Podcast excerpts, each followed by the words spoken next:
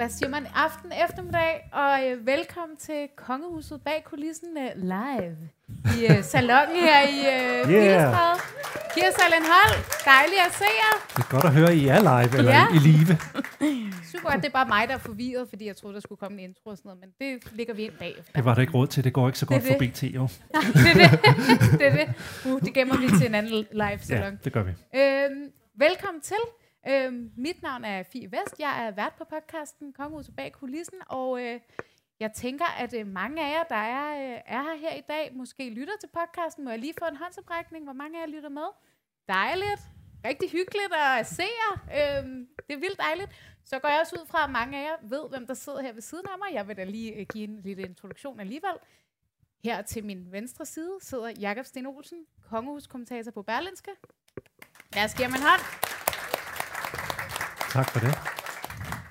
Og til min højre side sidder Emma Rønberg Påske, historiker og kongehus øh, ekspert kender alt efter temperament. Ikke? Jeg Jo, ved, du jo, det der jo. ekspert er, vil du helst ikke. Men, Nej, øh, helst ikke. men det synes jeg, du er. Ja. Det synes jeg også. Jamen, velkommen til. Det er jo en helt øh, særlig øh, udgave, vi skal lave i dag, fordi øh, der har været nok at tale om. Den sætning har jeg sagt mange gange i podcasten øh, de seneste uger. Øh, jeg går også ud fra, at de fleste af jer, der sidder her, har fuldt tronskiftet øh, intenst. Og det har vi jo selvfølgelig også her. Og vi blev enige om, at der har været så meget at snakke om, at øh, oven på sådan nogle historiske uger, så er det altså lige værd at samle lidt op på det hele. Øh, snakke om, hvad er det egentlig, der er foregået. Og måske også nørde lidt ned i nogle af de ting. Åh, øh, oh, undskyld. Ej. Det, skal jeg tage den ud? Ja, det kan jeg godt. Nå, Beklager. Øh, det er sådan, det er, når det er live. Øhm, måske også nørde ned i nogle af de ting, øh, det kommer vi nok til at gøre lidt sådan til sidst i dag, sådan, man ikke altid kan sige, sådan, når det skal udkomme. Så vi tager en spørgesession øh, i slutningen af det arrangement, hvor I kan spørge løs, og vi kan måske også fortælle lidt mere frit om nogle ting, end øh, vi lige kan normalt i, øh, i, i podcastuniverset, eller på tv, eller hvor mm. vi nu har siddet. Så lad os kaste os ud i det. Øhm, jeg har egentlig valgt at gøre det rimelig klassisk i dag, at vi tager forløbet øh, fra hvor det startede. Og øh, det var selvfølgelig her. Øhm, lad, mig lige, lad mig lige få en, øh, en håndsoprækning. Altså, hvor Det var mange af ikke noget jer... finde dit billede. Nå, Hvor mange af jer var sådan ved at få hjertestop, øh, da det her skete? Ja, mm. også mig. Også mig. øhm, man sidder der og tror, at nu skal vi bare i gang med den der nytårsaften, som vi er helt vant til, eller i hvert fald den her del af nytårsaften er vi vant til. Og så smider hun øh, den her bombe, øh, dronning Margrethe. Og jeg kunne godt lige tænke, øh, tænke mig, at vi måske lige får sådan en... Øh, Emma og Jakob, I, øh, I, I sad jo på, øh, på tv. Øhm, mm. Jakob, lad os starte med dig. Øhm, hvor- hvordan, hvordan var det for dig at sidde og det her lige pludselig ramte? Fordi du vidste ikke, det har du fortalt om før, du vidste faktisk ikke på forhånd, ikke. selvom mange troede, troede det. Men hvordan, hvordan, øh, hvordan var det for dig? jamen øh, jeg synes faktisk indtil da, det havde været en meget god tale. Øh, hvor dronningen var meget... Indtil da. Nå, nej, men altså i det hele taget en god tale, fordi øh, jeg var sat til der, øh, det er jo sådan en underlig øvelse, øh, man sat til der på TV2 og, og øh, lytte intenst til talen, øh, for øh, bagefter direkte på fjernsyn at kunne diskutere det.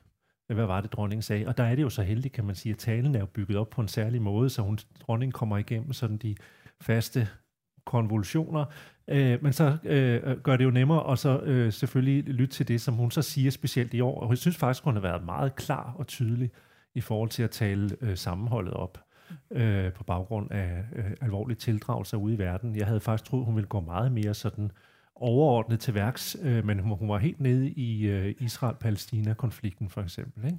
Jeg Jo. synes, det var en stærk tale, men så pludselig, så sker der jo noget, øh, fordi øh, bedst som man troede, det var over, øh, så siger hun så, at øh, hun har haft ondt i ryggen, øh, og så øh, taler hun, så siger hun så, og, øh, og, øh, at det har givet mig anledning til, og det øjeblik, hun sagde anledning, der følte jeg, som om hele jorden skred under mig. Ja. Altså som om jeg, fordi, hun, og så, kiggede jeg over på den anden side af, af bordet, hvor Natasha Krone øh, øh, stod, og hun lignede sådan, som jeg følte, følte jeg var inde i. altså med åben mund og polypper, og så sagde jeg, hold da kæft, sagde hun, hun går af. Hun går af, øh, og så var vi jo nødt til at høre det til enden, og det gjorde hun så.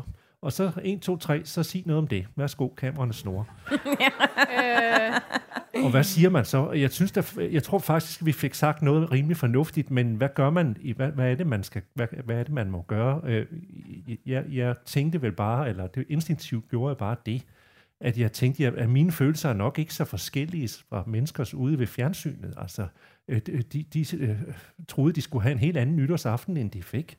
Så må man prøve at tolke det. Øh, så det synes jeg egentlig, øh, man skal forlade sig på sine følelser. Så jeg, jeg, vi kom frelst i land.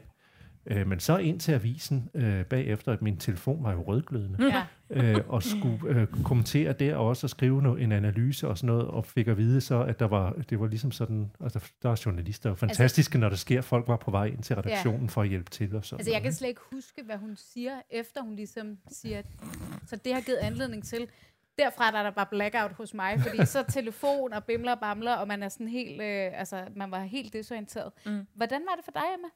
Øh, jamen, jeg var faktisk på vej hjem fra det der øh, TV2-studie. øh, så jeg sad og så det i S-toget. Det var øh, øh, lige så uromantisk, som det lyder, fordi det er B-toget til Højtostrup. Øh, det er altså, altså havde det været linje, spændende. Havde det været linje C mod Frederikssund, så havde det jo været noget helt andet. ja, men øh, øh, ja, jeg bor på Vestegnen, så altså, jeg var på vej hjem, og så sad jeg og så den, og så lige pludselig, så går det jo op for mig, da hun begynder at snakke om det her, så kan jeg bare mærke, at, at jeg går øh, sådan lettere i panik. Øhm, og jeg har sådan, øh, jeg veder altid på, hvad, hvad hun snakker om øh, i nytårstalen. Og indtil da havde jeg vundet ret mange penge. Øh, og øh, var, egentlig, øh, nej, øh, var egentlig øh, ret godt tilfreds og sad og skrev med en veninde. Der var sommerferien tjent ind, så Nej, men altså, ja, 500 kroner eller sådan noget. Øhm, og så øh, begynder hun jo lige pludselig på det her fis. Og så øh, får jeg så skrevet sådan, jeg kan se i mine beskeder, sådan, hvor der bare står, fuck, fuck, fuck, fuck, fuck, fuck. nej, nej, nej, nej, nej, nej, nej. Øhm, og jeg når lige ind ad døren, og får banket døren ind, og råber, øh, dronningen har abdiceret, eller hun har meddelt, eller hun har abdiceret. Min mand ser aldrig nogensinde nytårstalen. Han er meget ligeglad med kongehuset. Øh, og så er han bare sådan, nå okay, det betyder, ja, det betyder, at dronningen går på pension. Så altså, vi ses om to uger. øhm, og så var min telefon også i gang. Og så, ja, altså, øhm, noget af det allerførste, jeg tænkte på, var, hvem har sidst abdiceret? I, i Danmarks historien. Altså, øhm, fordi at det, det, det var så underligt for mig at tænke på, at der var nogen, der havde abdiceret, for det gør danske konger og dronninger bare ikke. Øhm, så det var en af de ting, jeg tænkte på øh, som, som en af de første ting. Og det er jo så et navn, vi lige pludselig kommer til at snakke en del om. Altså en ja, person, vi Lam. måske ikke tale så meget om, men når vi ja. talte den danske kongerække ellers, ikke? Nu ved øh, alle, nej. hvem Erik Lam. Præcis. Ja. Jamen, han har aldrig nogensinde nej. fået aldrig gjort så noget meget godt for taletid nogen, men, som øh, nu. Nej. Nu fik han en tur i Malaysia, den sidste tur. Altså, og jeg, jeg lavede jo den der pinlige... Øh, jeg er jo udover at være vært på, på det her program, så er jeg underholdningschef øh, på, på BT, og jeg er sådan en... Øh, som mange på mit arbejde forventes, at øh, jeg, jeg har måske lidt fingeren på pulsen i sådan nogle spørgsmål der, ikke? Øhm, så jeg får den her besked, øh, som I kan se her øh, til højre fra, fra vores nyhedschef på BT, Marie Bo Hansen, og vi, altså, vi er også øh, private venner, så det er derfor, der også er et hjerte og sådan noget, ikke? Og det her er jo, som I kan se, kort tid inden. øhm, jeg følte mig meget skråsikker, og jeg havde også flere venner, der skrev til mig øh, netop, går hun af, går hun af? Og jeg var bare sådan, nej, selvfølgelig går hun ikke af. Og jeg ved faktisk et og andet, og dronningen har altid sagt, hun ikke abdicerer. Mm-hmm. Øhm, Men tror du, det der, øh, den der, øh, når din redaktionschef der skriver til dig, så tror jeg, det er fordi øh, kl. 17.53, så tror jeg, det er fordi, hun har siddet og set Danmarks Radio. Præcis. Oh, ja. øh, hvor Thomas Larsen, som jo også er kongehuskommentator, øh, lige pludselig begyndte at være sådan lidt underlig at sige, at folk skulle skynde sig øh, over til fjernsyn. De måtte ikke misse det, for han havde på fornemmelsen, at der kom et eller andet. Øh, og øh, altså, han vidste noget, som og vi andre ikke vidste. Det fra? Ja. Nobody knows. Ej, men han øh, vidste det godt i forvejen. Ja. Det vidste han. Men, det, øh, men der øh, synes jeg jo, og det, kan, det var nemt nok at sige, at det er simpelthen ikke, det, det er ikke fordi Rønberg er sur, og han øh, vidste noget, som jeg ikke vidste. Det, det er helt i orden. Øh, men jeg synes, det er noget underligt noget. Du er slet ikke misundelig på det skud. Nej, e, nej, det er der ingen af os, der er jo et. nej, egentlig ikke. Det synes jeg er fint. Øh, øh, men man må bare vælge. Siger man det, eller siger man det ikke? Er man journalist, så siger man det jo. Altså, hvis jeg havde vidst det, så havde jeg simpelthen sagt til min redaktion, eller det var så TV2's redaktion, så jeg sagt, nu skal I høre her, der kommer til at ske det her. Man kan, øh, man kan jo ikke sidde og lade som om, man ikke ved det, hvis man ved det, hvis man er journalist.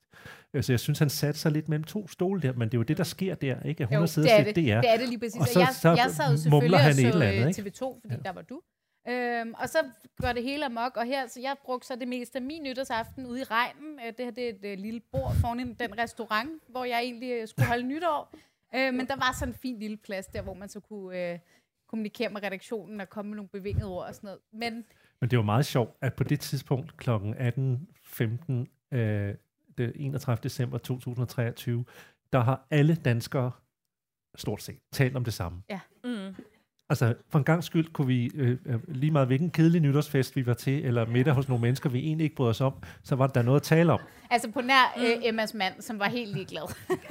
Det findes jo. Jamen, det var han jo Ja. altså. De Han har stadig jo. ikke set den nytårstale. Altså, øh, jeg måtte også meddele ham, at hun havde abdiceret, da jeg kom hjem der den 14. Ja. Siddet på tv hele dagen. Han var, han var helt væk. Og så kan man sige, der, Ja, altså, det er min hverdag, ikke? Vi sender en, en venlig hilsen til, til Emmas mand, som var helt væk. Derfra, så, øh, Han er også meget sød. så fulgte Men- nogle, øh, nogle sindssyge dage, i hvert fald for os tre, og det er ikke, fordi vi skal dvæle så meget med, hvordan vores liv var, øh, for så er det heller ikke mere spændende, men altså, øh, Jakob hernede til højre, der øh, konstant øh, sad, det her, det var så på tronskiftedagen i TV2-studie. Øh, jeg var igennem på noget australsk tv på et tidspunkt, og jeg synes jo, det var det sjoveste, det her New Rulers of Denmark. Altså, det lyder Rulers. som om, Ja. at der har været et militærkup i diktator. Danmark, og aus, nu har australske Mary endelig Har du fået næsten også. Det kørte de meget på. Vi har haft uh, kamerafolk med i podcaststudiet heroppe i toppen. En masse besøg i Godmorgen Danmark, Godaften Danmark, Godit og Godat og alle mulige medier. Så meget, at uh, vores egne uh, arbejdspladser måske har savnet os lidt. Og jeg har spist mange kopnudler til aftensmad, fordi at det var ligesom det eneste, man lige kunne overskue. Det sjove er jo med alle de der internationale turister, øh, turister det var det jo også, øh, journalister, som så meldte sig på banen. Det sjove er jo, de vil jo helst høre noget om sig selv. Altså, når britterne vil helst spejle vores kongehus i deres, fordi de er mere interesserede i det. Australierne tager en bid af det, nemlig den bid, der hedder Our Mary. Hende er de interesserede i, fordi hun er en sød pige fra Tasmanien. Ikke? Mm. Altså, de vil helst sådan fortælle historien til deres eget publikum, øh, og lidt øh, faktisk øh, mere interesseret i, hvad vores kongehus skal sige om deres, hvis Ja. de altså har et. Ja, det, altså, jeg blev også spurgt af de øh, australske journalister der om, ej, øh, om vi ikke synes, det var så skønt, at, at sådan en pige fra, fra en lille by i Tasmanien var blevet dronning, og hvor meget blev øh, hun drillet med, at hun ikke var så god til dansk. Altså, hvor jeg også må sige, for os er hun jo, hun er jo dansk. Hun har Mm. været dansk kronprinsesse i mange år, men vi ser hende jo ikke længere som en, der kommer udefra. Hun Nå. er jo vores nu, ikke? Men, men de synes, at hun var deres. Det var også, vi har også Skotterne pod- synes også, at hun var Ja, deres. skotterne Ja, ja, synes lige pludselig, at deres. Det har der været meget snak om. Nå, men det har i hvert fald været hæftigt. Det er heldigvis, at nu hvor vi sidder her, har vi alle sammen fået lidt ro på, og der har fået sovet en lille smule og sådan noget de seneste par uger, så det, det er dejligt. Men så synes jeg, vi springer faktisk lige... Øh, ja, jeg kan høre, reaktionerne er voldsomme, og, øh, og jeg, vil, jeg skal være den første til at sige øh, igen, I to sad på tv den her dag. Jeg var herinde Mm. på BT og, og styreslagets gang. Øh, tårerne sprang simpelthen nærmest ud af hovedet på mig øh, under den her sekvens. Øh, jeg ved ikke med jer, men vi, vi var jo nok mange, der sad og så det på, på, og fulgte det på tv i dagen igennem, og lige den her sekvens var jo øh, lidt forsinket. Øh, den så vi ikke direkte, og nu, ja, når jeg springer direkte til den, så er det jo fordi, jeg tror, at når vi skal snakke om den her tronskiftedag, så vil det her være et af de billeder, vi også snakker om, om altså 5 år, 10 år, 20 år. Øh, det er nærmest sådan et instant historisk, ikonisk billede. Øh, jeg kunne godt tænke mig at, øh, at høre måske dig, Emma. Du, mm. Mm. du er jo historiker. Jeg sidder og bare og siger, at det bliver historisk. Ja. Er du enig, og i så fald, hvorfor? Ja, altså jeg er enig, fordi alle de personer, der er vigtige for Danmark, er på det her billede. Øhm, Som om, hvis det skulle males, ja, så havde man sat så, dem så ind. havde man Ja. malet det her, Ja. ja. ikke? Fordi øh, statsministeren er der, den afgående monark, som virkelig ser øh, gammel og skrøbelig ud. Altså hun repræsenterer virkelig det gamle Og trist ud. og trist på en eller anden måde. Øhm, og så har hun jo, fordi hun er øh, genial til at iscenesætte ting, dronning Margrethe, øh, taget sin øh, broche på med hesteskoen, som hun også havde på, da hun blev udråbt som dronning. Og så sidder den nye konge og så Han sidder... ser ud som om, han lige har fået et Big Mac menu serveret, og han glæder sig til at sætte tænderne i den. øhm, og, øh, og så sidder den nye kronprins og kigger op på, øh, på den afgående monark i Ja. ja. virkeligheden. For han har været henne og give hende øh, stokken. Så det er som om, der er sådan en fin akse imellem det gamle og det nye. Og så har du folket herovre repræsenteret af Mette Frederiksen. Men hvem er det ondskabsfulde barn deroppe? Jeg kan faktisk ikke huske, hvem det er, men jeg, jeg har faktisk... øh, Isabella. Men altså- altså, meget dårligt. Men, men det er historisk, fordi det er her, hvor at vi har, har givet magten videre. Og, og vi har jo ikke som sådan prøvet det her før, øh, og der er kun meget få mennesker, der ved, hvad der står på det papir, øh, dronning Margrethe har skrevet under på. Ja, hvorfor er det, hem- hvorfor er- er det hemmeligt? Der er jo noget, der er havnet inde ved jer mm-hmm. på Rigsarkivet. Åh, oh, har du set det? Ja, det, der er et, et, Det kan jeg hverken be eller afkræfte. Nej, du har set altså, hvorfor, hvorfor skal det være så hemmeligt? altså, øhm, det er jo sådan, jeg til dagligt arbejder jeg på Rigsarkivet. Jeg er egentlig arkivar. Øhm, og øh, det er sådan, at øh, der er et helt arkiv dedikeret til kongehuset. Og øh, kongehusarkivet er sådan set et privat arkiv. Og der er nogle specielle regler for privatarkiver i forhold til offentlige arkiver. Normalt plejer det at være sådan, at øh, alle sådan set kan få adgang til at se de fleste ting i Rigsarkivet, fordi det er vores hukommelse. Så er der øh, nogle ting, der er underlagt nogle regler, og så bliver de frigivet efter 75 år. Så er død. ja, som regel i hvert fald. Ikke? Øhm, så er der en hel masse ting, for eksempel fra 2. verdenskrig og retsopgøret, der er ved at blive frit tilgængeligt i øjeblikket. Det er meget populært at kigge på. Men så er der nogle specielle bestemmelser for kongehusets arkiv og privatarkiver. Og der er altså en længere tidsfrist på, måske 100 år, måske 150 år. Det kommer faktisk rigtig meget an på den siddende monark også. Øh, hvad giver de adgang til? Og det er sådan, at hvis man skal se noget i kongehusarkivet, så skal man først spørge Rigsarkivet, som så spørger, det var kabinetssekretæren, man skulle spørge. Øhm, det ved vi faktisk ikke, Han er blevet fyret. skal være endnu. Ja. Øh, så vi afventer lidt. Øhm, og så får man nogle gange adgang til at se det, man gerne vil se.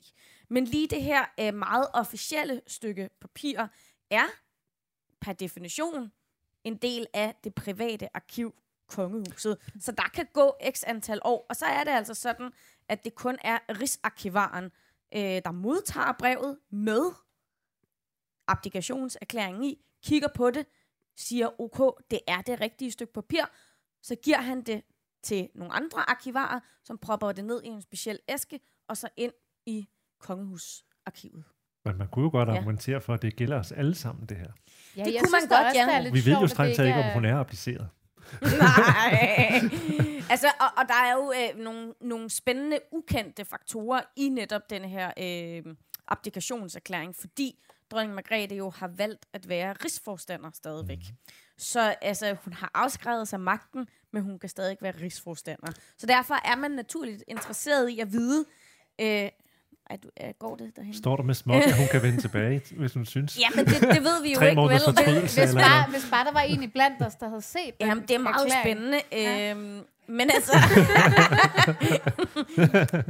det er Rigsarkivaren, der kigger Vi på det, og jeg er ikke Rigsarkivar. Vi respekterer, at øh, du, du også skal passe dit dayjob, Emma. Så kan Ja. vi tage en lille privat snak efter Men det, men, det, men det er altså, at det er ikke for at snyde folk. Øh, det er simpelthen fordi, at der er nogle specifikke regler for privatarkiver, og så øh, resten af Rigsarkivet. Det er jo ret sjovt, det her billede, der kom ud. Nu måtte vi ikke se erklæringen, men vi Nej. må godt se, hvad for en kuglepen dronningen havde underskrevet erklæringen med. Og der havde man måske tænkt sådan noget, hvad hedder de, Mont Blanc, eller Ja, sådan noget. det skulle udspilles på altså, den raritetskammeret skulle have lidt bagefter et ekstra, eller ikke? andet. Ja. Men nej, det var bare sådan en grøn filtpen. Ja, det var meget skuffende. øh, øh, noget, der var meget overraskende ved den her seance, det virker også, sådan, når man ser den video, så nu har man set den nogle gange, det er jo, at når dronningen øh, lige pludselig vælger at sige, Gud bevarer kongen, virker det ikke som noget, der står i nogen protokol. Nej. Det virker simpelthen som noget, hun har aftalt med sig selv. Ja. Øh, at det vil hun sige, som hun ikke har infor- informeret nogen om. Øh, kronprinsen, øh, som så på det tidspunkt er så blevet konge, øh, virker i hvert fald meget overrasket over, at Gud siger hun noget. Mm. Øh, og, Men det var også som om, synes jeg, hele, altså når man så det her moment, og vi var jo alle sammen klinet til skærmen der, der var sådan en, øhm, der var sådan en usikkerhed, en, sådan, sådan en fornemmelse af, at alle vidste godt lidt, hvad de skulle, men det var også sådan noget, når nu Det- stiller vi os op over for hinanden, og Det er meget tydelig koreografi. kommer med Alt- stokken, alt, ikke? alt, Og- altså, ja. alt er jo ligesom iscenesat og aftalt, at øh, hun, øh, de, de står og kigger over for hinanden, de nikker, efter hun har skrevet under, ikke? Så værsgo, tag min stol, så sætter han sig, men hun skal lige have stokken. Vi har hørt øh, til prins, Christians 18-års fødselsdag, de taler ikke om andet, at han var så empatisk. Det får vi set her, det er ham, der kommer med stokken til bedstemor. Og så signalerer hun igen, værsgo og sæt dig ned. Han sætter sig ned, smiler, samtidig så siger hun de her berømte ord. Ikke? Jo. Det er meget koreografisk, øh, øh, som om, øh, og netop fordi der er en indstilling, så virker det nærmest som om, det er et teaterstykke, altså næsten Ja. som om det er teaterets kukkasse, vi sidder og kigger ja, ind ja. i her. Ikke? Øh, men det, der er jo fantastisk ved den her scene, det er jo, at de går alle sammen gennem de bevægelser, der er indøvet, men hele det rum emmer jo af tilbageholdte følelser. Ja. Øh, og når, du, når man ser ministerne, som sidder sådan helt stivnet, sådan her kigger øh, alle sammen i den her retning, det er jo, det er jo, øh, det er jo alt sammen følelser, der, voldsomme følelser, der bliver holdt tilbage. Den der nervøsitet, ja, i, Ja. at man kan se det indøvet, men, men de, de mærker også de der store følelser, vi andre mærker gennem tv-skærmen. Og så spoler jeg lige videre til jo det her billede, Ja. som jo også er, altså synes jeg, på samme måde som, som det første, vi lige har kigget på. Ikke? Et, Mm. jeg tror, vi vil komme tilbage til. Øh, og det skal lige siges, der er jo øh, lige til, til kong Frederiks forsvar, der er jo forskellige ud, udgaver af det her billede. Nu ser han næsten lidt, lidt ond ud det her. Nej, Eller sådan, Nej, øh, nu har han han fået ser, magten. Han ser stålsat ud, Ja. ikke? Eller hvad man kan sige. Mm. Men det er jo simpelthen også... Øh, jeg ved ikke, hvad jeg havde regnet med, men jeg fik sådan en fornemmelse af, at jeg synes, det var sådan lidt... Det var så trist, at hun skulle forlade det rum. Men selvfølgelig skal hun det. Men det var virkelig sådan en... Nu er en æra slut, ikke? Ja, Hun går ud af den Hun der... skal jo gå ud. Hun har ikke noget at gøre i statsrådet mere. Hun er ikke velkommen længere. Sådan er Nej. det jo. Hun har ikke en rolle at spille længere. Hvad mindre hun er rigsforstander. Øh, ja, Ja. men Ja. så er hun jo med på tredje afbud eller sådan noget. Ikke? ja. Det er jo det. Ja. Og så efter det her, så kommer vi jo så videre til den mere glædelige øh, del af det. Det her var jo på en eller anden måde lidt trist, selvom det var historisk og rørende. Ja. Altså, men også bare enormt smukt, ikke? Ja. Fordi det her med, at monarken ikke dør. Ja. Altså, øh, i princippet, når hun har løftet øh, den grimme grønne kuglepen ikke? Øh, fra papiret, så er det jo ligesom, hun har udåndet for sidste gang. Det har ja. vi så ikke, men vi har pennestrøget. det er det strøget. Og det var, bare, det var bare helt ekstremt smukt på den måde. Ja. Og jeg kunne godt lide, at det var øhm, magtovergivelse på den måde. Plus at der er jo også, det jo kommer man tilbage til, det får vi jo aldrig svaret på, men altså når man ser dronning Margrethes ansigt, så tænker man jo, øh, altså hun er jo overvældet af følelser, øh, men det virker mere, øh, det er jo så min private tolkning, jeg har ikke noget her i andet mine egne fornemmelser, det virker mere som om hun i virkeligheden er rørt over sig selv og opgive gerning, at hun egentlig er rørt over at se sin søn som konge. Øh, sådan tolker jeg det i hvert fald. Altså fordi hun siger, tager afsked med, med sin livsopgave på en Ja. eller anden måde. Og så er det interessant at se, at dronningen er jo så, øh, hun opfinder noget til lejligheden. Hun opfinder en, en formular, en meget sådan øh, officiel, statlig øh, formular, hvor hun ovenikøbet blander vor herre ind i det Gud bevar øh, øh, kongen, ikke, som Ja. ja. hun selv har fundet på. Øh, øh, meget Margrethes, hun, det er ikke sådan noget, øh, øh, øh, tillykke min dreng, eller sådan noget vel. Altså hun er Nej. Dronningen der. øh, øh, det er hun så ikke lige akkurat ikke mere, men hun er, hun er, øh, hun er monarken, hun er ikke familiemenneske, vel? Puha. Hvor, øh, hvor mange af jer øh, sådan, var, ved, var ved at knibe eller knepen tårer under det her? Ja, også mig. Ja, ja vi er samme båd der. Jeg synes nærmest, det var rystende. Jeg var ved eller knep. Man må godt... Ved du hvad? Du er ikke den eneste. Jeg, jeg fik talt ind på redaktionen i løbet af den der dag, der øh, øh, trillede der tårer ned af mine kinder fem gange. Altså, jeg synes næsten, det var rystende. Det var monumentalt. Ja. På en eller anden måde, ikke? Men det er jo også det der med, jeg talte også med nogen om, vi har sikkert også talt om det i podcasten, hvis man gennemgår øh, et livsforløb, altså fra, fra vi alle sammen er blevet født til, hvor vi er i vores liv nu. Nu nævner du selv, da nytårstalen blev holdt, hvordan vi alle sammen snakkede om det samme på det samme tidspunkt. Altså det her er jo også sådan et øjeblik, altså hvor vil jeg næsten våge den påstand, at hele Danmark har siddet og fulgt med, og hvis ikke de lige har fulgt med i det sekund, så har de fulgt med lidt efter, eller Mm. altså det er noget, hvor vi alle sammen øh, vil kunne huske, hvor vi var, da det her skete. Vi vil alle sammen kunne huske den her begivenhed, øh, og have nogle stærke følelser omkring det. Der er også republikanere, som, som øh, måtte overgive sig på den her dag, og der er også nogen, der synes, at det var åndssvagt, at det skulle fylde så meget tv, men alle har en holdning til det, ikke? Og det er godt Ja. ja. nok få gange i vores liv, at vi oplever det, faktisk. Altså, må jeg sige, øh, jeg ved godt, det kommer til at lyde lidt forkert, men jeg var faktisk overrasket, og måske faktisk også en lille smule skuffet, over, at der ikke var nogen øh, ægte demonstranter mod kongen. Jeg, og jeg ved godt, det lyder forkert, men, men det, det er simpelthen fordi, at der jo normalt også er en opposition. Og vi så det ved, øh, ved Charles' kroning, Ja. Not My King, Ja. og de blev fjernet ret voldsomt af Og det politiet. var også lidt af en skandale. Det var det nemlig, ja. ja. Øhm, og der er jo republikanere i Danmark, øhm, så derfor var jeg, var jeg lidt spændt på, om der var nogen, der Men de havde var, jeg, jeg kan i hvert fald huske det, det, det travle dagen op til, eller på dagen, at det blev varslet, at det ville holde en demonstration, ja. men de var lidt nervøse, øh, de der republikanere, for de ville ikke rigtig sige, hvor det var henne. Nej. Men altså, øh, de er jo garanteret blevet lynchet af fire gale damer fra Jylland, hvis de på noget.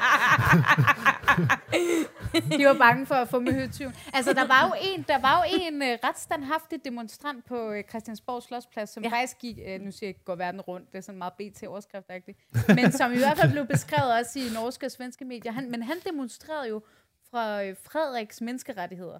Mm. Altså, han var sådan, uh, King Frederick does not have human rights. Men det er Ja. jo typisk uh, republikaner-argument. Ja. Det, er, Ja. det, det jo de, fordi de synes, det er synd for de kongelige. Ja. Så vil jeg så sige, hvis det nu var så synd for dem, så havde de nu nok øh, gået, gået af, tror, tror du ikke? Måske. Det har vi i hvert fald set før også. Godt. Jamen, det, og det var jo en helt vild dag, og der var i hvert fald anslået 300.000 mennesker indre mm. København, og rigtig, rigtig mange af dem stod jo selvfølgelig på Christiansborg Slottsplads, klar til at se det, der vel også, og det var også det, vi meget kredsede om i podcasten op til den her dag. Hvad ville der ske på den her balkon? Hvad ville Mm. kong Frederik sige? Hvad vil valgsproget være? Nu ved vi, at det ikke er et valgsprog mere, det er et kongeord. Det kommer ja. vi Ja. tilbage til senere i dette øh, program. Men øh, af nysgerrighed igen, jeg kan godt lide at få jer lidt med i det. Hvor mange af jer var, var inde på Christiansborg Slotsplads? Okay, mange. Var der nogen af jer, der var på Amalienborg? Der var også et par stykker. Det var det, du sad, øh, Jacob. Øhm, for nu Jeg hopper tror, vi til det her. Åh, oh, ja. Øhm, og igen, der er jo, når man sidder og kigger, vi, vi er jo så heldige, når vi arbejder på medier, vi har adgang til et stort billedarkiv. Der er jo, altså, der er jo massevis af billeder fra den her dag, man kunne have taget med. Øh, det er også for sådan, skal lidt ind til benet her, fordi vi kunne sikkert tale i timevis.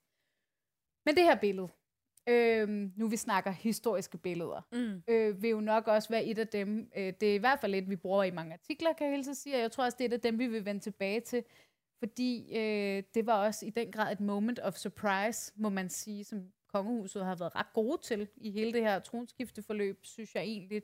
Vi kan også komme lidt ind på kommunikationen senere. Øhm, da det her skete, og det synes jeg er lidt interessant, for det er jo blevet debatteret lidt derude, var det, var det sødt? Var det lidt for meget? Var det upassende? Var det passende? Øhm, Gamle menneskers slaver. Ja. ja, for dem, der skal høre det her som podcast senere, øh, det er øh, kyssebilledet af øh, kong Frederik og dronning Mary. Øhm, Jakob, øh, nu kan du så passende for ordet. Hvad, hvad tænkte du, da, da det her øjeblik indtraf? Altså nu er jeg jo rimelig kynisk anlagt, det er jo ikke nogen hemmelighed. Er du? Øh, ja, øh, så jeg, øh, selvfølgelig er det jo et stort øjeblik for parret. Øh, man kan tolke det på flere måder. Det er, jo altid, øh, det er jo det med de kongelige. Hvis man synes, det er interessant at få meget ud af lidt, så skal man arbejde med det.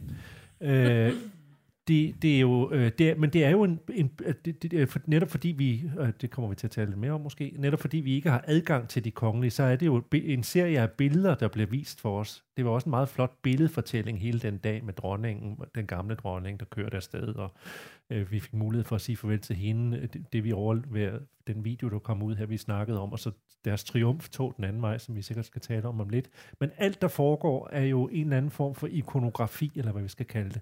Det er det her jo også. Hvad, hvad, hvad handler det om? Et, øh, selvfølgelig kan, øh, det, øh, det handler selvfølgelig om øh, branding af et kongepar. Altså, øh, at øh, vi, der er ingen tvivl om, at vi nu har fået et kongepar på en helt anden måde, end vi nogensinde har kendt til det. Øh, forstået på den måde, at det kan godt være, at Mary går to skridt bagefter, men i virkeligheden så går hun ved siden af sin mand, og det kan han godt lide. De er et moderne par, der arbejder sammen om opgaven. Det viser det selvfølgelig. Så er det også, øh, fordi det kan vi roligt sige, at siden Casanova Gate, lad os bare nævne det, så har der været øh, øh, en lang øh, serie af kommunikative tiltag fra øh, hoffet, som handler om, vi ved godt, det er sket, og øh, vi prøver at, med vold og magt at sige, det passer ikke.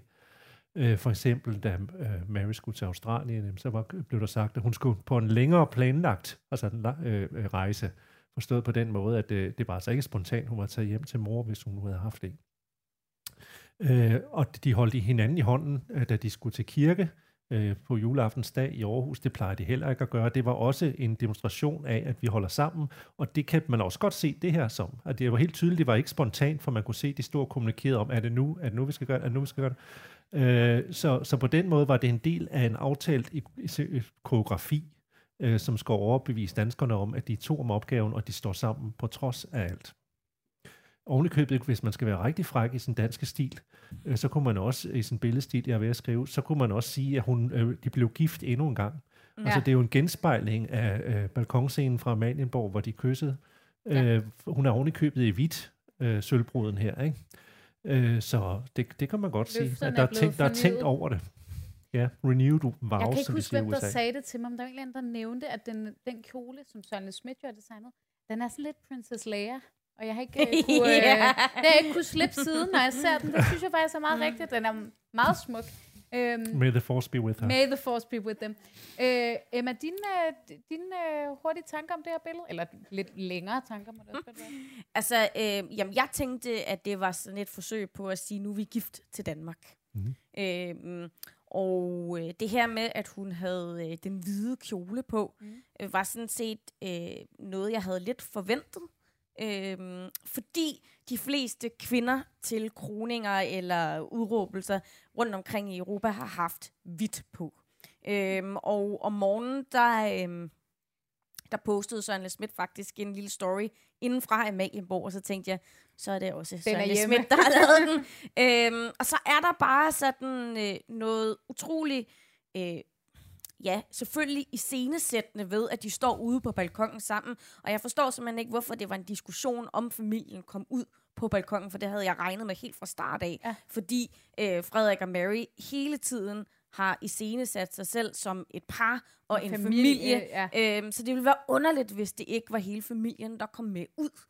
Øhm, men altså, det her billede, det er jo sådan lidt symbolet på, at nu er de en del af Danmark sammen.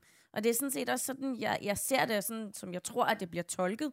Øhm, og så kan man jo øh, nørde i detaljer med, hvad han har på, og hvad, øh, hvad Mary har på. Og det er øh, også nøje planlagt af dem, fordi øh, hvis man skal rose Mary for én ting, at man kan rose hende for mange ting, men, men jeg har været lidt bekymret for, at hun ikke helt forstod, hvad hun skulle bruge smykkerne til.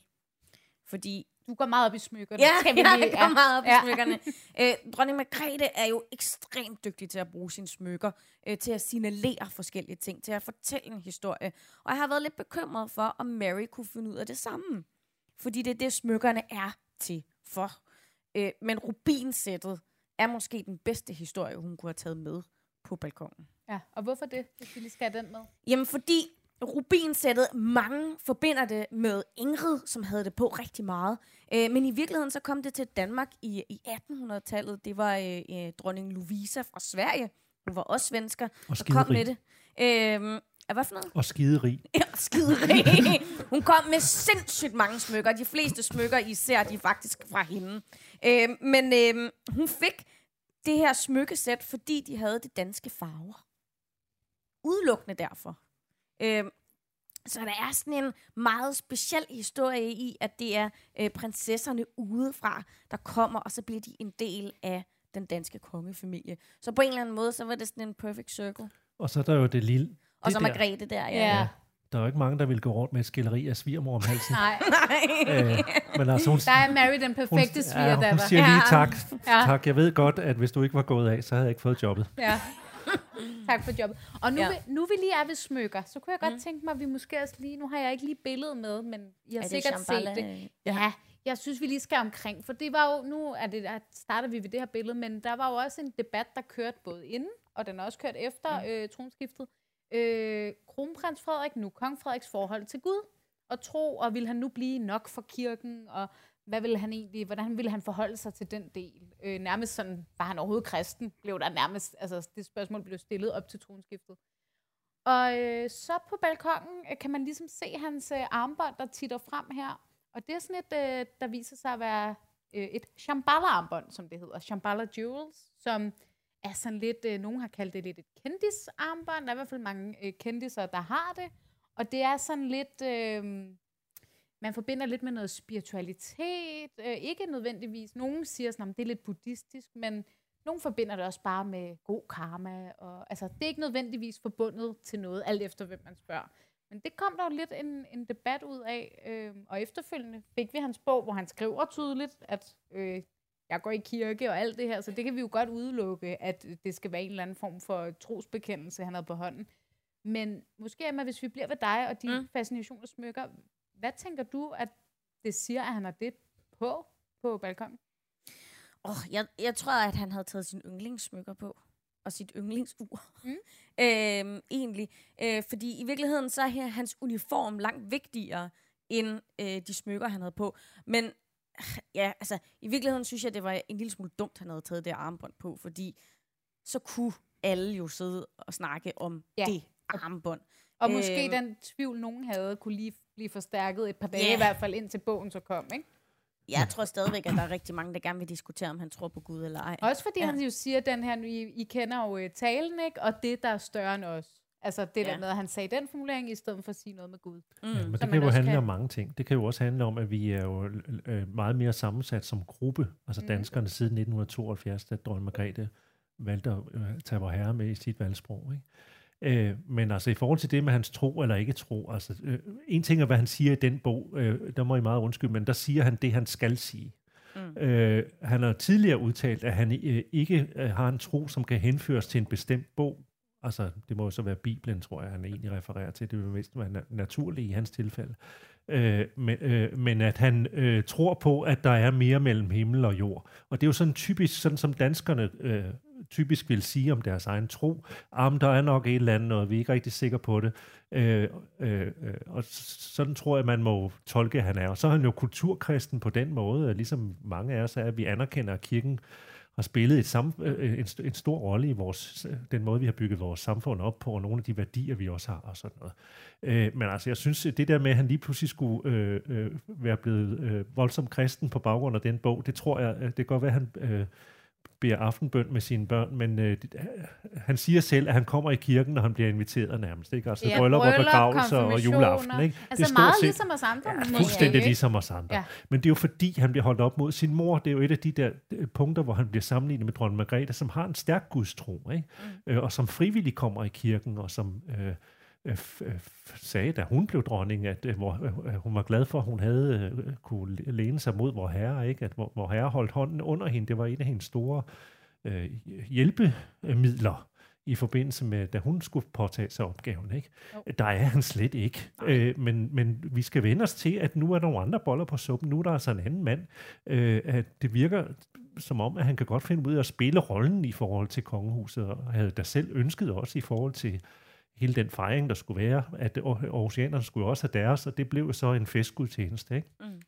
Øh, så, øh, og jeg synes også, det harmonerer godt med, at han siger øh, det her med, en konge er i morgen, der vil være en konge i morgen, og han så siger noget, der er større end os, at så kan det godt være, at der er nogle traditioner, og at man har været vant til, at Gud har indgået øh, specifikt men måske skal man det, også, det hvis man skal være kongehus i en moderne det, tid. Det var jo en diskussion, man havde i, i Storbritannien også i forhold til kong Charles. Altså, mm. sku, øh, ville han faktisk, øh, det er sådan noget, man skal sige, han er defender of the Protestant faith, eller sådan mm. noget. Ville han sige, at han bare var defender of faith, altså anerkendt trosretninger i det hele taget. Øh, så det er, jo, det er jo en problemstilling, kan man sige, i forhold til, hvordan er du konge for hele folket, ikke? Øh, men det er klart, at hvis han ikke har vor herre med i ligningen med den øh, tilknytning, der er, øh, øh, og vi har jo en statskirke, det er jo det, vi har, øh, så vil han få ballade, hvis han ikke gør det, for kongehuset spiller, øh, det er forkert at sige, de overhoveder i forhold til ja, det de kirken, det er det nemlig ikke, nej. men de er jo stærkt knyttet til den. Mm. Øh, og der står også, han må i øvrigt selv om, han vil være en del af, øh, øh, om han vil være medlem af Folkekirken, men han skal være den lutherske evangeliske tro. Ikke? Mm. Øh, så han kan ikke bare selv vælge, der kommer det med menneskerettighederne ind igen. Ja. øh, men, men, øh, det står faktisk i grundloven, at ja, han skal det. det. det ja. står der nemlig. Ja. Øh, og, øh, så, så, men vi skal bare vende os til, at han har altså ikke den samme type gudstro, som hans mor har, øh, og er lige så interesseret i det. Ja. Og så synes jeg også, at vi lige skal vende nu, hvor vi bliver lidt på balkongen. Øh, ja, valgsproget, som det jo i hvert fald, da det blev sagt, stadighed. Mm. Øhm, nu skal vi lige se. Jeg kommer øh, til at kalde det valgsprost. For, for, øh. for bundne, ja. for klik tødt, for kongeriget Danmark. Der er noget rod mm. med syntaksen, det er der altså. Ja, må vi lige, jeg får lige op på banen igen. Altså, hvor mange af jer synes, at øh, det er et godt valgsprog, det her? Uh, ikke så mange. Det er Ja. noget med syntaksen. Hvor mange, hvor Ja. mange synes, det, Hvem er det, der det er fint forbundne, og nok? hvem er for- Hvor mange ja. synes, det er fint nok, men det skulle være lidt grammatisk skarpere? Ja, det var en del. Hvor mange synes, det er dårligt? Oh, Jeg kunne godt tænke mig at høre nogle af jer, der synes, det er dårligt, fordi øh, det, det er jo egentlig meget sjovt, at I sidder to her øh, på række to. Øh, vil en af jer måske fortælle, hvad hvad, hvorfor kunne I ikke lide det? Du, jeg, jeg siger lige sådan, som jeg også kan høre det i mikrofonen, du synes ikke, det er troværdigt. Hvordan kan det være?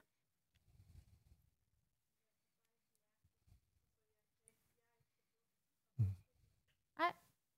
Ja, det der bliver sagt, hvis man ikke lige kunne høre det, var, at det ikke er troværdigt. Altså, at det ikke ligesom kunne mærkes. Og det er meget sjovt, det her med, der var også lidt snak om det. Jeg havde også øh, en retoriker med i podcasten på et tidspunkt, hvor vi snakkede om den der lidt diskrepans, der også var måske mellem de ord, der blev sagt fra balkongen fra øh, kong Frederik, og så for eksempel den her, det her kongens ord, der blev sagt i Folketinget. Altså, når det, når det bliver sådan lidt for højdragende, er det, sådan, altså, det bliver sådan lidt for løsrevet fra, hvem man fornemmer, han er som person. Det er måske også det, jeg hørte dig lidt sige, yes. Øhm, Det er også mere Det kan jeg godt følge dig i, faktisk. Hvem er det, der er forbundne, og hvem er det, der ligesom... Altså, det, det kan være lidt svært at... Man kan vælge at sige det, at at det er en svaghed, at det er så ukonkret, men man kan også se det som en styrke, fordi så kan alle muligt tolke noget ind i det. Men selve grundtanken om... Øh, for jeg tror egentlig nok, at det han også mener, det fremgår i hvert fald af den bog, han har skrevet, at forbundne, det er også ham og Mary, der er forbundne. Ja, og ja, sådan noget. ja. Øh, Det er, der er mange ting, der er ude at gå. ja, Ja, ja, ja, ja. jeg, jeg synes Man jo skal egentlig, bare læse ja, bogen, og så forstår ja, man det hele. det Jeg forstod det faktisk stadigvæk ikke Men det kan, det kan jo ikke være meningen, at man skal læse en bog for at forstå et valgsprog.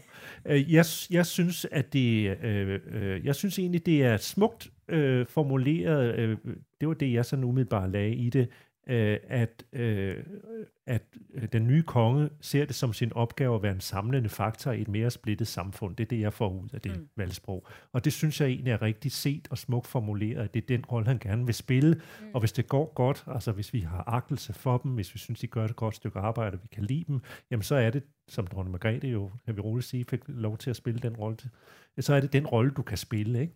Så det synes jeg egentlig var fint at, øh, at gøre opmærksom på, at, øh, øh, at øh, ja, han er forpligtet i forhold til sin opgave, men vi er alle sammen også Forbundne. for, ja, med, ja, og forpligtet over for vores samfund. Og den tanke kan jeg godt lide, øh, at øh, vi skal alle sammen bidrage til, at øh, vi har et samfund, der hænger sammen, for der er nok af kræfter, der prøver at skille os ad, øh, inklusive os selv. Øh, så hvis øh, øh, vi tager os lidt sammen, så er vi verdens bedste folk. Den tanke kan jeg godt lide. Mm.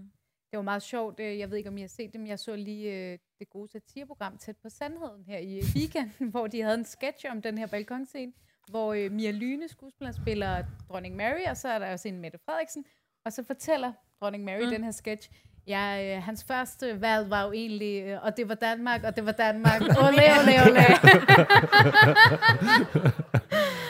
S- det tænker jeg, det var i hvert fald autentisk på en eller anden måde, hvis det var blevet det. Men den, blev så, den var så lige røget i Ja. svinget. Hvad synes du om det, Emma? Jeg synes faktisk, det var fint. Mm. Altså, jeg kunne egentlig godt lide det her øh, vi i det. Øh, ja, jeg, jeg, jeg tror ikke, at jeg har hængt mig så meget i, om øh, det var øh, flertal eller ental, eller øh, hvad det var. Øh, jeg synes egentlig, det var meget smukt, at han også fik ridset øh, kongeriget Danmark op mm. også. Øh, fordi der har været så meget snak om øh, rigsfællesskabet, og øh, hvordan vi er splittet i øst og vest, og, og landet og, by, og og- ja. byen og sådan noget. Og der var det bare sådan en, en samlet enhed i virkeligheden. Mm. Altså Grønland og Færøerne, tænker du på. Ja, også der. Og Lolland. ja. ja. Øhm, men, men det var bare, jeg synes bare, det var rigtig fint, at der var så meget vi i det hele. Øhm, Det er og så- sjovt det der med øh, øh, kongeriget i Danmark, som jo er blevet tolket som netop en, en anerkendelse af Grønland og Færøerne i det også, så det er ikke bare os hernede. Ja. Øh, og det er jo en af hans vigtigste politiske opgaver. Det bliver jo simpelthen at holde sammen på det der. Mm. Øh, der kommer ikke til at gå lang tid, det er der mange grunde til, før han er på Færøerne og Grønland, men der, der er han simpelthen også på mission som dronning, som prins Joachim Ja, vil sige. Og det skriver ja. han jo faktisk ja. også sort på hvidt i, i kongeord, mm. altså netop om den her del af valgsproget, at hvor meget Grønland Han skal simpelthen ham. sørge for, at hverken Ja. Trump eller kineserne eller russerne kommer og tager Grønland fra os. det er, ja, fordi det er jo virkelig blevet et geopolitisk øh, Absolut. hot topic, ikke? Og fordi altså, kongehuset er mere populært i Danmark, end danskerne er. Ja. Ja, så hvis man, øh, hvis man har en grønlandsk befolkning eksempelvis, der gerne vil løsrive sig, så er mm. kongehuset faktisk måske noget af det, der kan gøre, at man får mindre lyst Ja, til samme at gælder Færøerne. Nu det jo Grønland, slaget står op, men øh, Færøerne er de, øh, er det, altså vi har jo nogle tal, der øh, hedder, at 70 procent af, danskerne li- lidt mere måske går ind for monarkiet, øh, og sådan herop mod øh, øh, tronbestigelsen, så var det sådan 85 procent eller sådan noget, som øh, synes, øh, troede, øh, at Frederik ville blive en god konge. På Færøerne var det, nu skal jeg se, om jeg kan huske tallene, 70 procent, altså noget lavere, som troede, at Frederik ville blive en god konge, og 58 procent, som gik ind for monarkiet. Ja. Mm. Så der er altså en, en nordatlantisk udfordring også. Det er der. Jeg var, jeg var øh, for nogle år siden med øh, kronprinsfamilien, dengang de var det på Færøerne faktisk, under sådan et øh, officielt besøg. Og der var det ret sjovt at fornemme i de dage, og det her ligger alligevel, det ligger nok en seks år tilbage. Øhm, der var meget kritik i medierne, der var mange, øh, der var klar til at sidde og finde fejl. Det var en kæmpe sag deroppe, at øh, man synes, at Frederiks nationaldragt sad forkert på ham. Altså, så det var et tegn på disrespekt over for færingene.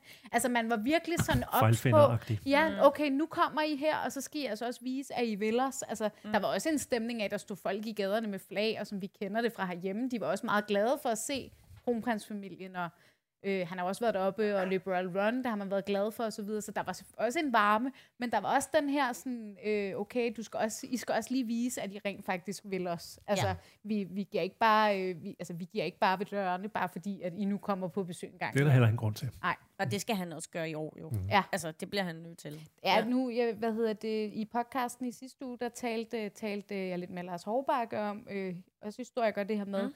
snakkede om, man godt kunne måske forestille sig til sommer, at øh, de skulle en tur forbi øh, Grønland og Færøerne i forbindelse med måske et udvidet sommertogt eller sådan noget. Det må vi jo se, hvad det bliver til. Det bliver travlt år. Ja, det gør det. Godt. Jamen, altså, vi kunne tale øh, stolpe op og stolpe ned. Man kunne nærmest lave øh, tre timer, tror jeg, bare om hvad der skete på den her balkon. Øhm, men vi hopper lidt, øh, lidt videre, fordi stødet lagde sig, og øh, vi troede, at vi lige skulle puste ud. Os, der sidder ved det her bord. og så ramte den her bog. Og lige om, lidt skal, vi- lige om lidt skal vi have en lille pause, så vi indleder bare lige den her korte snak om bogen, inden vi lige tager en, en kort pause. Øhm, igen vil jeg gerne lige spørge, som jeg måske gjorde øh, indledningsvis med, med applikationen. Øhm, hvor mange af jer derude blev sådan øh, rimelig meget øh, taget på sengen over, at der lige pludselig kom en bog fra kongen? Ja. Okay, der er nogle af jer, der ligesom havde forventet det, kan jeg næsten øh, regne ud. Skarpt, skarpt set. Øhm, jeg må sige, øh, jeg havde ikke set den komme, at øh, den kom så hurtigt. Også fordi, at, øh, og det kan vi også lige vende tilbage til, vi havde jo fået en tidslinje for kongehuset, øh, hvad hedder det, som, som sagde, at det, det var meget op til nytårsaften, at det her var blevet bestemt. Men øh, vi har alle tre læst bogen, Ja. selvfølgelig. Og den lander der, øh, jeg har lyst til at sige, onsdag den 17. klokken 9-agtigt øh, kommer meddelelsen ud om, at den her bog er på gaden. Og bum, så er den i boghandlerne.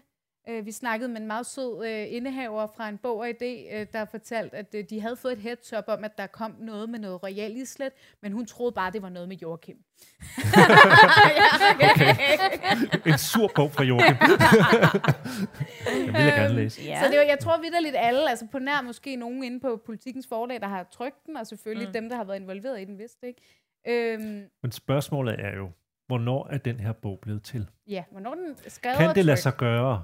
Hvis nu tror, øh, når, øh, nu, øh, det var det, Berlingske fik oplyst øh, øh, ved hårdt arbejde, øh, at kronprinsparet var sådan set først blevet in, øh, informeret om det her den 28.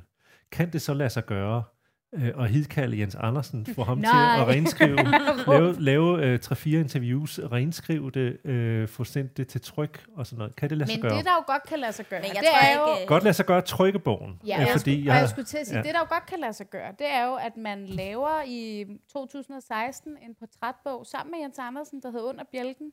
Mm. Så bliver man gode venner. Den bog udkommer i 2017. Man bliver enige om, hey, du skal da måske også øh, gøre dig nogle tanker om det at være konge på et tidspunkt.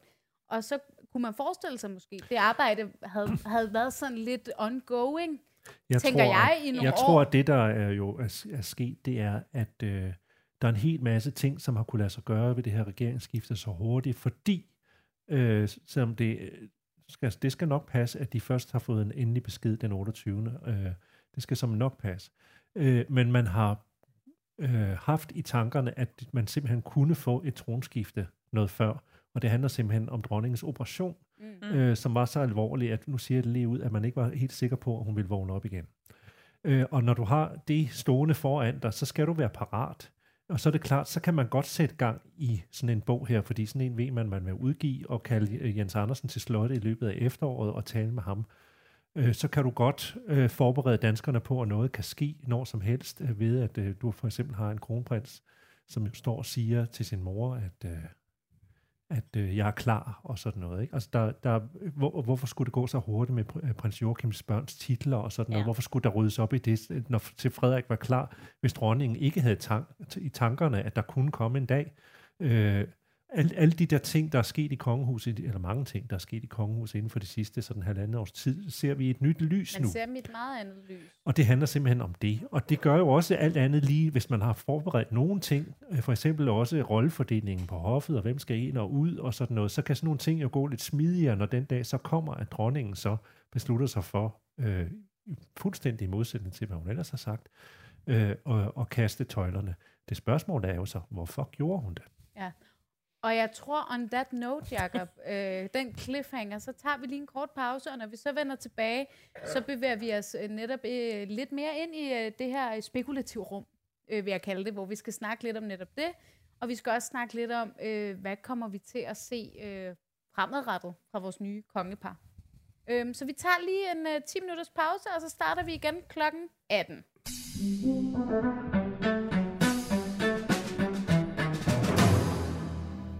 Jeg håber, I har fået øh, tisset, eller hvad I nu skulle, hentet noget mere vin, snacks, alt det der. Det er super godt. Jeg, det, jeg fornemmer, der er god stemning stadigvæk. Dejligt, at I stadigvæk er her også. Det kunne godt være, at man var gået i pausen. Øhm, men øh, det er vi glade for, at I ikke er. Øhm, vi samler ligesom tråden op øh, lidt, hvor, øh, hvor, vi, øh, hvor Jakob, du lavede en cliffhanger. Hvis vi lige skal blive lidt i, okay, hvorfor er det nu endt, øh, som det er endt? Og øh, I ved jo, vi, vi har jo til halv syv, så vi, nu tager vi ligesom øh, lige en, et kvarters tid mere, hvor, hvor vi plapper, og så bliver der tid til at stille spørgsmål og så videre, fordi det tænker jeg, der sikkert er, er mange af jer, der har. Øhm, men Jakob, jeg giver ordet tilbage til dig. Øhm, nu begynder vi at spekulere lidt. Mm. Så hvad tror du er årsagen til alt det her? Altså grunden til, at øh, mange af os fik et chok nytårsaften, var jo netop, fordi dronningen altid har sagt, jeg går ikke af, jeg bliver siddende på pinden til at ramle af, eller hvordan det er nu, hun har formuleret det. Øh, og det har hun gjort mange gange. Hun har åbnet lidt for øh, øh, et enkelt interview i udlandet, tror jeg, hvis, øh, at det der kunne det godt kunne være, hvis nu situationen var sådan, at hun var ukampdygtig, men det tror jeg, de fleste havde tænkt var øh, en situation, der var værre end den, hun er i nu i hvert fald. Øh, så hvorfor har, hun, hvorfor har hun besluttet sig for det? Øh, og jeg tror ikke, jeg tror stadigvæk, hvis jeg skal være helt ærlig, at nu er det ren spekulation. Jeg tror egentlig ikke, dronningen har skiftet mening. Jeg tror stadigvæk, at hendes forklaringsmodel er den samme. Øh, og jeg synes, det var en, øh, personligt synes jeg, at det var en fin forklaringsmodel. Det der med, hvordan kan du forklare, at nogen er født til en særlig opgave, medmindre det er en livsopgave, altså noget, du ikke bare kan forlade. Jeg synes, det er en lidt, lidt øh, nu ved jeg godt, det er, en, øh, at her, det, det er ikke et synspunkt, jeg øh, deler med alle, øh, fordi jeg er godt klar over, at danskerne synes, og det synes jeg jo også, at dronningen skal have lov til at gå af, hvis hun gerne vil. Altså, hun henviste til sin dårlige ryg i sin mm. tale. Selvfølgelig skal hun have det, have lov til det. Øh, øh, alt andet ville da være synd. Øh, og det er da også helt tydeligt, at vi har et kongepar, som øh, mange danskere øh, synes er klar til opgaven, mm. og det har det også bevist gennem Og det var der jo også er. nogle meningsmålinger, der ja, faktisk viste op til, at dronningen Absolut, det er helt med på. Af, ja. Men principielt, så synes jeg, det er blevet en lille bit smule sværere at forklare, hvorfor vi har et monarki. Øh, jeg synes, det er lidt sværere at forklare, hvorfor lige præcis de mennesker, hvorfor skal lige præcis de mennesker så have den opgave, hvis det ikke øh, hvis det ikke er en livsopgave, hvis det er noget, du bare kan løbe fra, hvis det bare er et job, øh, som alle andre, øh, eller i hvert fald nærmer sig det.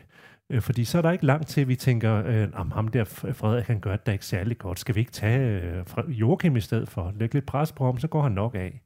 Øh, eller, og man kan også med rette eller, stille hvorfor, spørgsmål. Eller sige, hvorfor skal lige de mennesker... Øh, øh, hende der Mette Frederiksen, hun er meget god. Skal vi ikke tage hende? Hun, er, der virker da, hun virker da effektiv. og det kan jeg høre, der var nogen, der ikke synes. Øh, jeg fornemmer dårlig stemning ja. omkring det valg. øh, Øh, men I forstår, hvad jeg mener. Øh, så jeg synes, det er blevet lidt sværere. Jeg, altså, det, det er et lille, lille knæfald for almindeligheden, som jeg synes øh, tager noget af mystikken af kongehuset at gøre. Så kan det være, så kan det være at øh, jeg læser tidsånden forkert og alt muligt. Mm. Øh, øh, det er der noget, der tyder på, at jeg gør. Øh, men jeg synes, det er blevet lidt sværere. Hvorfor lige præcis de mennesker øh, til den opgave? Øh, og det holder lige så lang tid, de er gode til det, men lige så snart de ikke gør, så kan det være svært at forklare lige pludselig. Ikke? Ja, og, og lidt i samme boldgade er der jo også den der lidt interessante passage i den her bog, øh, Kongeord, som... Øh, som du også har skrevet om i din anmeldelse, hvor kongen ligesom åbner op for det, jeg har lyst til at kalde work-life balance.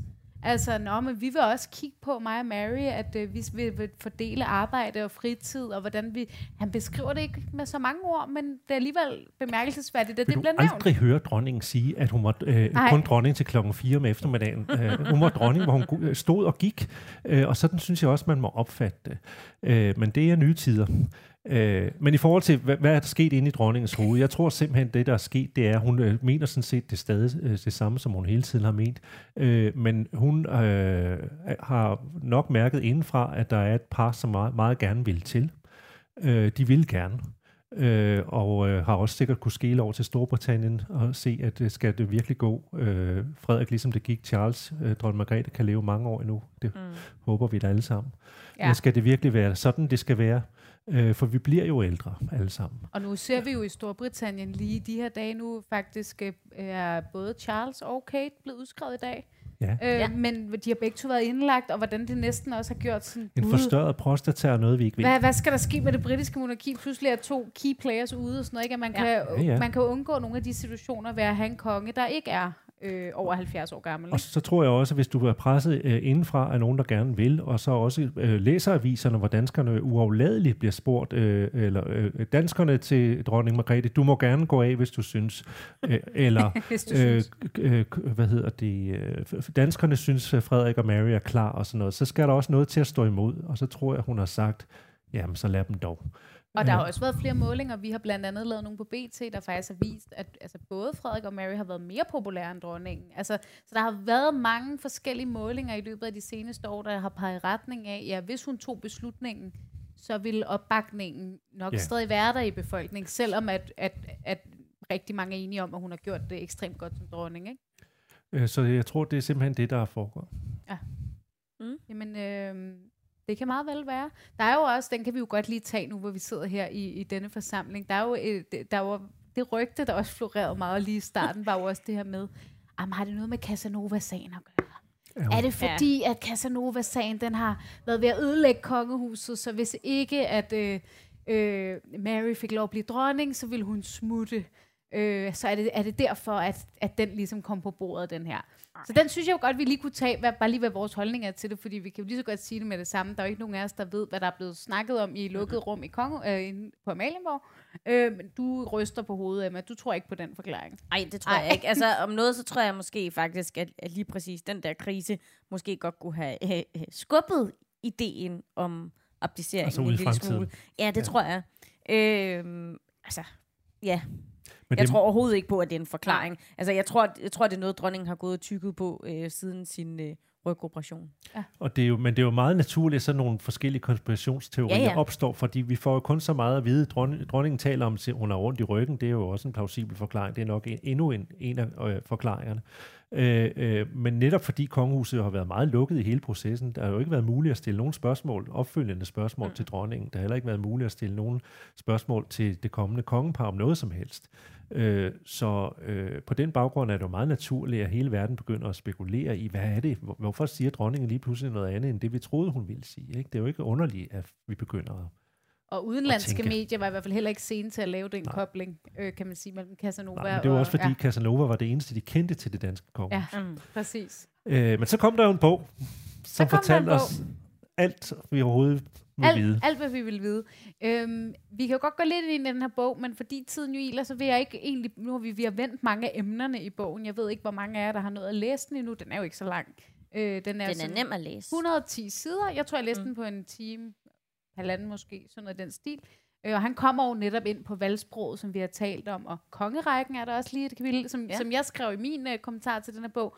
Så får man også lige vist, at man faktisk godt ved noget om dansk historie, så den lige Det virker af. lidt som Frederik, til, Frederik er op til historieeksamen, Ja. og sidder og rappler lidt af, hvad han lige kan huske. Men, og, så, og så er der lidt, øh, pa- lidt øh, private sådan anekdoter, som vi har hørt lidt før om mm. hans hårde opvækst, og det her med kvalerne om at skulle være konge.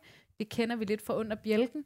Øh, men så er der jo øh, så er der det, og det synes jeg måske lige, vi skal blive lidt ved, øh, det der peger fremad. Altså, hvad, hvad lærer den her bog os om det kongepar, som vi, øh, vi har nu, og som vi kan forvente at have? Øh, Emma, hvad synes du er de mest interessante øh, sådan, pejlemærker i det? Nu, nu vi var lidt inde på det her work-life balance, som jeg synes er ret interessant, bliver nævnt.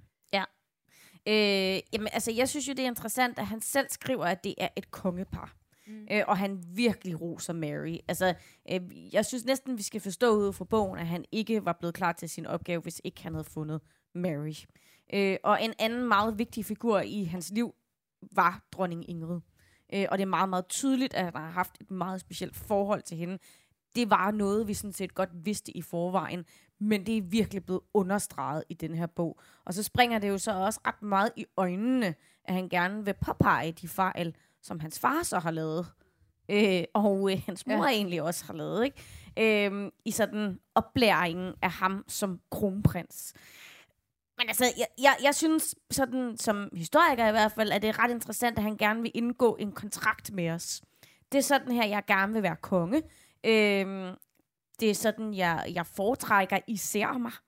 Øh, og det er ligesom også det, I skriver under på, når I køber den her bog, og I siger, at øh, det er okay, at jeg er jeres konge. Det er i virkeligheden ret interessant, øh, at han gør det på den måde. Øh, så kan man altid diskutere, om hvad der står indeni, i, og, og er der nogle floskler, og ligner det en Jeff-bog og sådan noget. Det, det, det kan man selvfølgelig godt sige, men det er et interessant historisk værk på den måde, at det er hans kontrakt med os. Og det har vi bare ikke set rigtig, rigtig længe. Øh, Det er jo mere, øh, altså han siger på et tidspunkt, det synes jeg er ret interessant, øh, vi er nogle andre mennesker, altså igen, det er det, det, er det vi, vi er nogle andre mennesker end min mor, vi har også nogle andre uddannelser. Mm-hmm. Og hvad er det, han er uddannet inden for? Det er statskundskab, og hvad er det, hun er uddannet inden for? Det er reklame. Øh, så det er, jo, øh, det er et moderne CEO-baseret kongehus, som øh, siger, det der er vores opgave, og her kommer det der med det samlende ind igen, det vi gerne vil, det er sådan set det, vi har gjort som kronprinspar. Altså, at vi har... Øh, gerne ville ændre samfundet. Vi, vi vil gå meget mere aktivt ind i enkeltsager og spænde os selv for dem, altså klima, LGBT-spørgsmål, mm. kvinders rettigheder, børns rettigheder, alle de der øh, sager, vi kender dem fra. Øh, det vil vi spænde os for. Vi vil være, lokalisere, hvad er det, der er behov for, hvor kan vi spille en rolle, og så vil vi spille den rolle.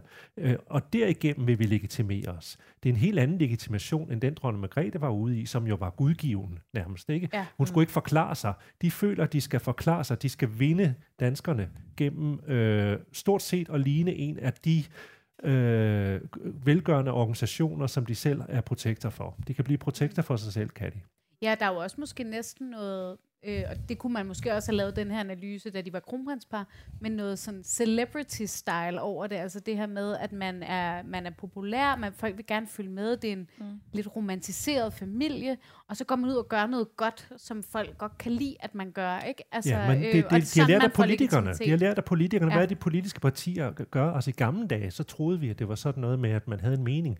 Øh, Nu lokaliserer man, øh, hvad det er, det man kan blive populær på baggrund af, og så gør man lidt det. Men der er måske også, nu talte vi det der med om tidsånden, og hvor man er henne og så videre. Øh, jeg kan huske i forbindelse med Royal Run, det man snakkede om, var, at øh, der var jo øh, udsolgt, som altid er, men den unge øh, gruppe manglede ligesom til det her løb.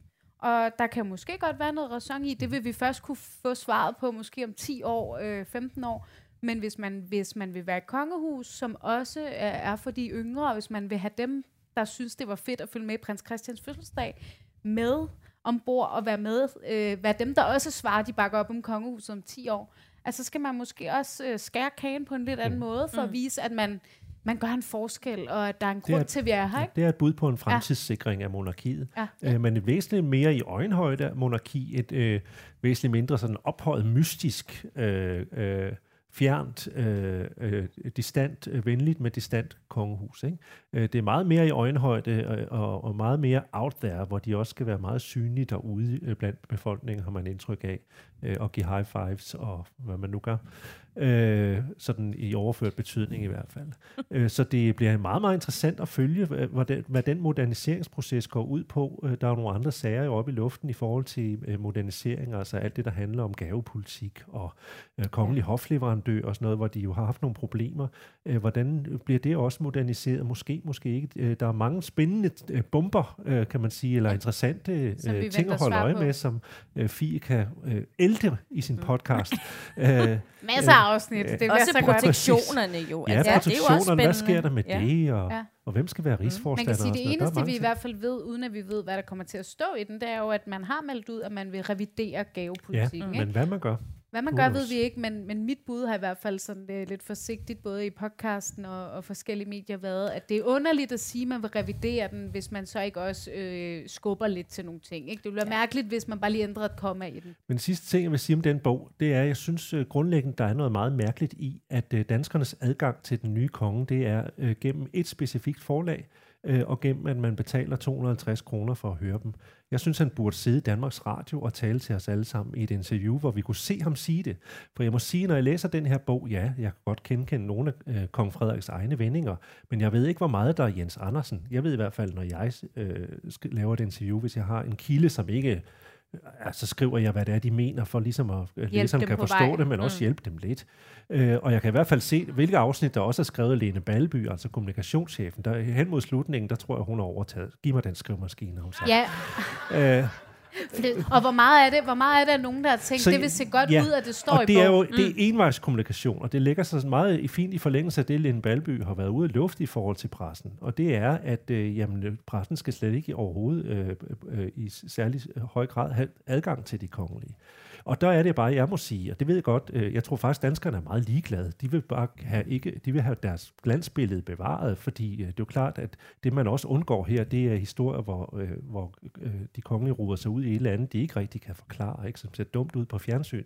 Det, det, det er du ud over her. Øh, men i det lange løb synes jeg ikke, det holder, og det, øh, og det kan man godt mene, selvom man går ind for monarkiet, hvad jeg da i hvert fald gør øh, at det, det kan ikke være rigtigt, at vi har en statsinstitution, som koster en nærheden af 450 millioner kroner om året, hvis vi lægger det hele sammen. Det er altså inklusive det, der handler om at passe på dem og transportere dem.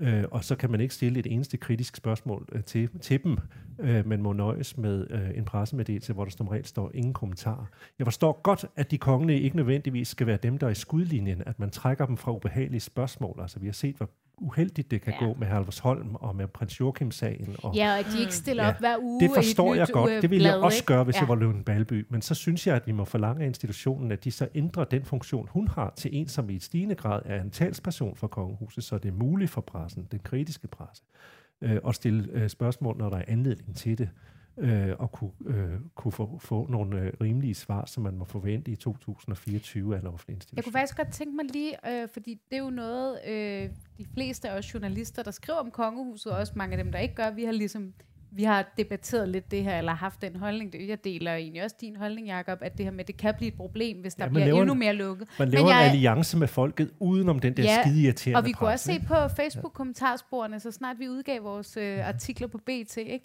Så var der jo mange, der siger, ja, det er også godt, vi er så trætte af de dumme journalister, der stiller dumme spørgsmål. mm. Jeg tror, der er mange, der kan blive lidt irriteret på medierne, når vi skriver om Casanova-sagen, eller når man skriver om nogle ting, man ikke vil høre, fordi vi kan godt lide, at det, at det er glansbilleder, og det er en familie, og de gør det godt, og det, mm roser vi dem jo også tit for, at de gør, fordi det er der ingen tvivl om, det viser målingerne, at danskerne er, er meget glade. Det er også derfor, Casanova-sagen har prallet af som vand på Præcis. en gås. Det er jo fordi, de er så populære, som de er. Hvis det nu var et kongehus, der var på vej ned, så var det jo en helt anden Så kunne man have målt det. Øh, men nu gider vi da ikke at høre om det, fordi øh, vi godt kan lide dem, og de, vi synes, de gør et godt stykke arbejde. Men ikke? jeg kunne godt lige tænke mig at høre jer. Altså, er I på, øh, er I på Jacobs hold i forhold til den her bog, at der også er en lille smule... Hvor mange synes, der er lidt... Øh, lidt irriterende det der med, at nu skal man gå ud og købe en bog for at få kongens ord, i stedet for at, øh, man kunne få et interview, eller... Det synes jeg nemlig ja. havde været genialt, det der. Det er der flere, der har nævnt, ja. Nu er det ikke sikkert, at de har lige så mange penge som Lars Larsen, men jeg synes nemlig, det var en rigtig, rigtig, rigtig god idé. Og ja. også lidt anmasen, ikke? Det, nej, nej ved du hvad, det er for hele folket. Det er uh, take it or leave it. Altså, vi betaler alle sammen til det. Jeg synes, det havde været en smuk gestus. Ja, ja så kunne det gå uh, bare i en paperback. Det var fint nok, ikke? Ja, ja. ja. Og den kunne bare have været 50 sider så, men så kunne man ja, eller man kunne læse den på gratis. Internettet, ja. eller et eller andet, ikke? så de fleste har adgang til. Det synes Ja. jeg var fint. Hvor mange af jer er, fordi nu snakker vi lidt om det her, men nogle gange så, så tror jeg godt, man kan føle som, som, øh, som sådan nogle journalister, der også øh, ytrer sig lidt kritisk om nogle af de ting, kongehuset gør, kan man tænke, uha, der, der er ikke mange, der, øh, der er enige med os her. Øh, synes I, det er et problem, det her med, hvis kongehuset bliver mere lukket, altså ikke stiller sig til rådighed? Hvor mange synes, det er et problem? Åh, ja, er der det, trods alt nogen. det er i- flere, der synes, at det er et problem. Øhm, Vi må se. Ja. Øh, øh, altså, det er jo ikke fordi, jeg ikke tror, vi kommer til at se en masse øh, tv-udsendelser med de kongelige og se dem i interviews, men der er forskel på, kan man sige, øh, om man får mulighed for at stille spørgsmål øh, uden for en eller anden spørgeramme, eller det er et eller andet program, hvor de kongelige har redigeringsret over det. Øh, og det er jo klart, at den deponerer det både DR og TV2 og alle mulige andre jo gerne for at få et interview med de kongelige. Ikke? Øh, Så, så øh, øh, er tiden ikke kommet til, at de godt kan forlade sig på, at deres popularitet er så stor, at de kan klare opgaven. Øh, Jeg synes, det, det, men det er jo vanskeligt, hvis du har øh, nogle kongelige, som ikke er så gode til det. Øh, fordi det er jo også en, en øh, vi har været velsignet med dronning Margrethe, øh, at hun er så øh, fremragende en kommunikator, at hun er. Hun kan fortælle os, hvor vi kommer fra, og hvem vi er nu, og hvor vi skal hen i morgen og sådan noget. Og det kan øh, øh, øh, ingen på nuværende tidspunkt, udover hende i det danske kongehus. Og det er jo lidt et problem, fordi det er så stor en kommunikativ opgave at forklare os, hvad institutionen er, og hvordan den spiller men, sammen men, med os. men omvendt kan man jo også sige, det er jo heller ikke? fordi, at, øh, at dronning Margrethe på den måde øh, stillede op til sådan det ene kritiske interview øh, efter ja. det andet, men hun har, men hun har alligevel sådan gennem, øh, gennem årene været hist, og jeg har lyst til at sige hist og pis tilgængelig, hvor at der så kunne blive stillet et Ja, spørgsmål. hun er nok den monark i hele Danmarks historie, der har været mest tilgængelig for... Og selvom hun også nogle gange er blevet stillet nogle spørgsmål, som øh, hun øh, tydeligvis synes Jamen. er lidt fjollet, når Ja, ja, ja. Ekstrabladet har spurgt til Matthew Perry, eller hvad det nu måtte være. Jamen, så er Så dronningen... svarer så, hun, ikke? Jo, men Ja. ja. jo, hun er så glimrende, fordi hun har 50 måder at lave en royal afglidning på, ikke? Altså, som Ja. ja. siger, det var dog øh, på en pæn måde at sige, det øh, tilkommer ikke mig at svare på, eller det ved jeg ikke noget om, eller det ved jeg ikke nok om, øh, og så videre til det næste, ikke? Øh, problemet er lidt med øh, øh, øh, kronprins Frederik, han roder sig til... Øh, Kong Frederik. Kong Frederik. Ja. At han ro, øh, jeg kommer nok til at sige det næste halvår, øh, at han kommer til at rode sig ud i noget, ikke? Øh, men så må han lige lære det. Så svært kan det ikke være.